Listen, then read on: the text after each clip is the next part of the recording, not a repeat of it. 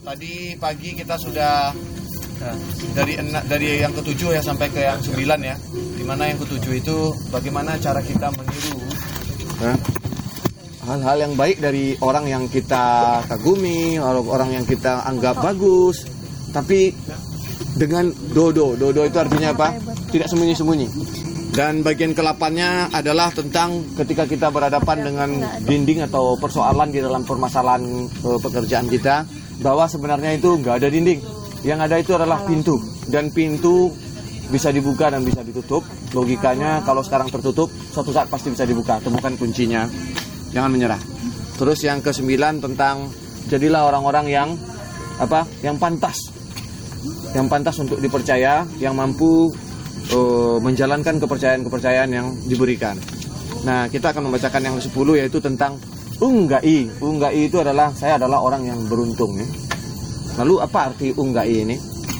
Ini adalah sebenarnya kalau dalam bahasa Islam adalah bagaimana kita sikap bersyukur ya. Watashi wa unggai. Saya itu adalah orang-orang yang beruntung ya. So shinjirareru kotomo ichiru no jokeng no hitotsu de aru ya. Percaya seperti itu pun adalah salah satu persyaratan untuk menjadi ichiryu ya. Ya. Apa arti dari kita adalah orang-orang yang beruntung itu? Orang-orang yang beruntung itu bukan berarti apa ya, ketika terjadi aksiden atau tidak terjadi hal-hal yang buruk, kecelakaan terhadap dia. Bukan yang itu. Eh, bukan juga yang dengan menganggap remeh, ah karena saya oh, karena saya keberuntungan saya tinggi, ah ini aman ini. Eh, kalau misalnya karena keberuntungan saya tinggi, ah, udah gini aja nggak apa-apa. Itu bukan juga ung yang seperti itu. Eh, atau eh, apa namanya? Ya udahlah, kayak gini aja lah karena saya keberuntungan saya tinggi kok. Nah, menyerah begitu saja juga bukan keberuntungan yang seperti itu. Eh, yang dimaksud dengan yang keberuntungan yang tinggi itu adalah keberuntungan yang besar itu adalah di mana segala yang terjadi pada diri kita eh, itu menjadi pembelajaran dan karena itu eh, seandainya eh, terjadi hal-hal yang tidak diinginkan tidak memuaskan kita atau hal-hal yang menyedihkan dan kita tidak menganggap itu sebagai apa? Ketidakberuntungan. Juga sebagai apa namanya wah saya ini adalah orang yang sengsara orang yang apa? Sehingga kita tidak menganggap seperti itu. Nah eh, orang yang keberuntungannya yang baik atau yang tinggi itu adalah bagaimana eh, dia bisa merasa berterima kasih terhadap chance ya, terhadap kesempatan-kesempatan. Misalnya kayak kalian datang ke sini terus dapatkan kesempatan oh ternyata belajar. Kalian datang ke sini ternyata kalian mendapatkan ada dua ya. Pertama chance kesempatan. Yang kedua pertemuan. Ya pertemuan dengan Bang Riki, Bang Julian, dengan Bang Kinoy. Di dalam itu semuanya saya merasa beruntung ketemu dengan orang ini. Nah itu yang dibilang saya adalah orang yang beruntung itu kita dalam setiap apa pun yang terjadi pada kita pasti ada pembelajaran di dalamnya gitu. Di sini maka yang dimaksud dengan orang-orang yang dengan keberuntungan tinggi itu adalah orang yang tidak menyesali bahwa wah saya itu ada orang yang tidak beruntung saya ini atau nggak akan apa-apa karena saya ini orang yang beruntung. Bukan yang seperti itu hal-hal yang seperti ini akan menyebabkan kesempatan lari dari kita atau lebih tepatnya kita tidak mampu melihat kesempatan yang benar jika kita ingin menarik ya, menarik sebuah kesempatan, pertama perasaan bersedih dan perasaan meremehkan harus kita jauhkan. Itu merupakan sebuah apa namanya pamali.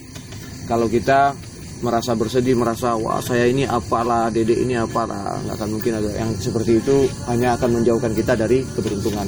Sebaliknya juga menganggap remeh juga menjauhkan kita dari keberuntungan. Terus yang ke-11 adalah Nah ini yang paling penting ini untuk orang-orang yang tidak percaya diri ini.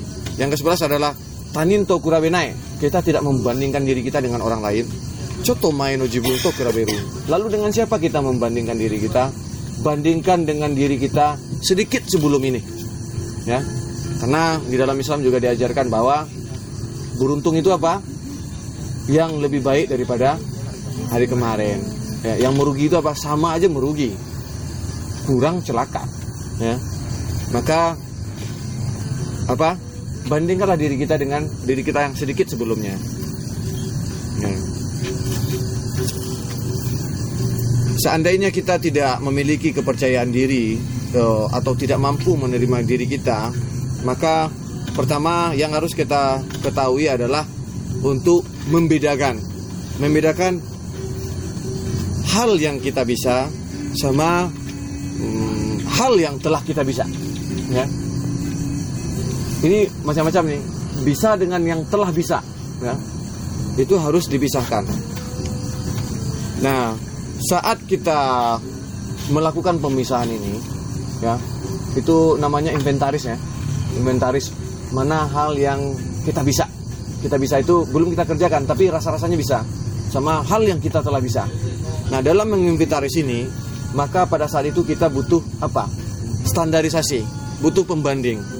Nah kalau kita bandingkan dengan orang lain maka akan terasa apa? Rasa-rasanya masih kurang ya atau hmm, kita merasa bahwa kayaknya saya lebih bisa deh daripada orang lain yang kayak gini gitu nah yang itu namanya adalah bukan perbandingan yang mutlak tapi perbandingan relatif. Sementara untuk kita memisahkan hal yang kita bisa dan hal yang kita telah bisa itu, kita perlu perbandingan yang mutlak. Jadi jangan bandingkan dengan orang lain. Itu syarat pertamanya. Nah, oleh karena itu, dengan siapa kita membandingkan? Ingatlah diri kita yang sedikit sebelum saat ini, sebelum datang ke Ceras. Saya tahu nggak dengan misalnya wah gitu kan? Wah saya pengen bisa Arduino. Sebelum bisa ke CRS kita cuma mendengar Arduino orang Arduino kita. Rasa-rasanya sulit mengerjakan Arduino. Tapi ternyata di sini bertemu dengan pembimbing imam imam suada ternyata Arduino itu nggak seberat yang kita pikirkan nah, misalnya apa bandingkan dengan wah dibandingkan tahun yang lalu saya lebih baik deh kayaknya nah kemudian dibandingkan di masa awal-awal belajar rasanya sekarang lebih banyak deh yang lebih mengerti. Nah, itulah yang apa namanya? menemukan seperti itu, itu namanya perbandingan mutlak yang jelas karena kita membandingkan dengan diri kita. Apa pun oke. Okay. Ya. Uh, misalnya uh, hal yang dari awal kita menganggapnya bahwa ini kalau kayak gini kayaknya nggak mungkin deh kita bisa gitu. Ternyata sedikit demi sedikit ketika kita kerjakan kayak yang diceritakan Ricky tadi ya, disuruh mutar-mutar, disuruh mutar-mutar, bila hampir saja dia putus asa. Hah?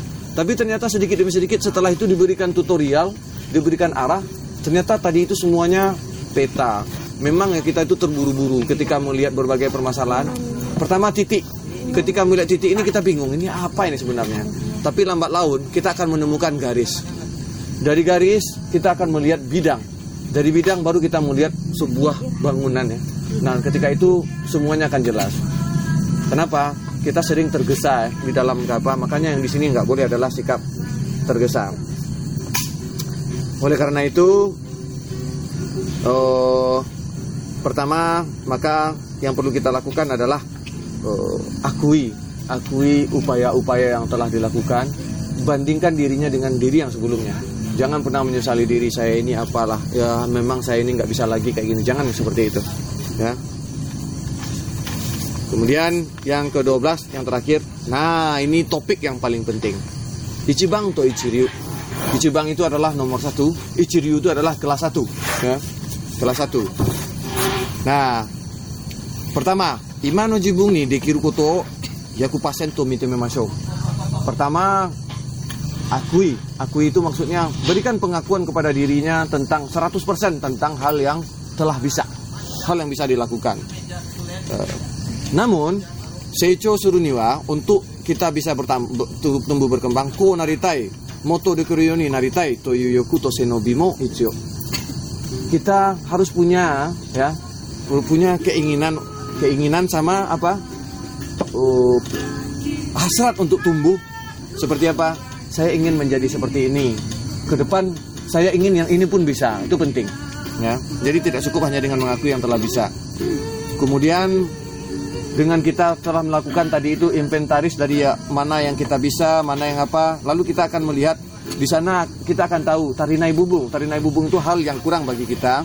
Sama dekitai nai bubung hal yang kita belum capai ya yang belum bisa. Seperti yang tadi itu oh, ternyata kita belum bisa sampai bikin bilahnya. Nah itu belum bisa. Kalau yang tadi naik itu udah bisa performanya tapi apa? Akurasinya masih kurang. Nah itu beda itu ya. Tarina itu hal yang kurang. Kalau yang apa itu belum tercapai ya. Nah ketika kita melakukan inventaris inventaris tentang kemampuan kita kita akan melihat itu nah Sebenarnya ini adalah semuanya hal yang bisa kita naikkan. Artinya di sana kita memiliki pertumbuhan gitu. Kemudian Mokuhyo tate kecinto kotobani ste kakidas temi masuk. Nah, dirikan tujuan kita, tetapkan tujuan kita, lalu belajar untuk menuliskannya dalam bentuk kata-kata. Boleh ditulis di dinding kayak yang kamu tadi itu di sedapat mungkin di tempat yang selalu bisa kita lihat. Misalnya kalau di Jepang kan kita WC-nya itu bersih ya. Jadi kalau saya tuh pagi-pagi itu waktu saya berpikir itu di WC ya. ya. Jadi di dinding WC saya itu semua target saya satu bulan itu saya tulis. Jadi saya sambil merenung sama melihat, oh hari ini mau bikin motor ini, besok mau bikin motor ini, yang udah tercapai saya coret. Oh jadi di WC itu ada ada coret-coretan. Tahu di dinding kamar sebelum tidur melihat itu ketika bangun tidur kelihatan itu. Nah yang tempat yang paling sering kita apa tulislah tujuan-tujuan kita. Kemudian uh, dalam menentukan uh, capaian itu ada tiga poin yang perlu dipilih. Pertama, ya, pertama poin pertama adalah tase di kitara jibunga urisiku narugoto. Perihal-perihal yang kalau tercapai kita menjadi senang, ya. Yang kedua, korugurai no kotoa dekite atarimai Ya.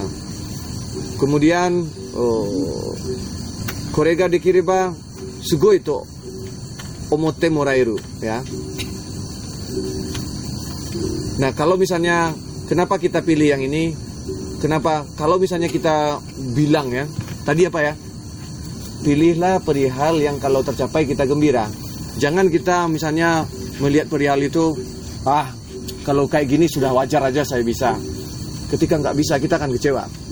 Atau oh, kalau bisa kayak gini saya keren deh gitu. nah itu apa yang terjadi? Kita menjadi lupa diri.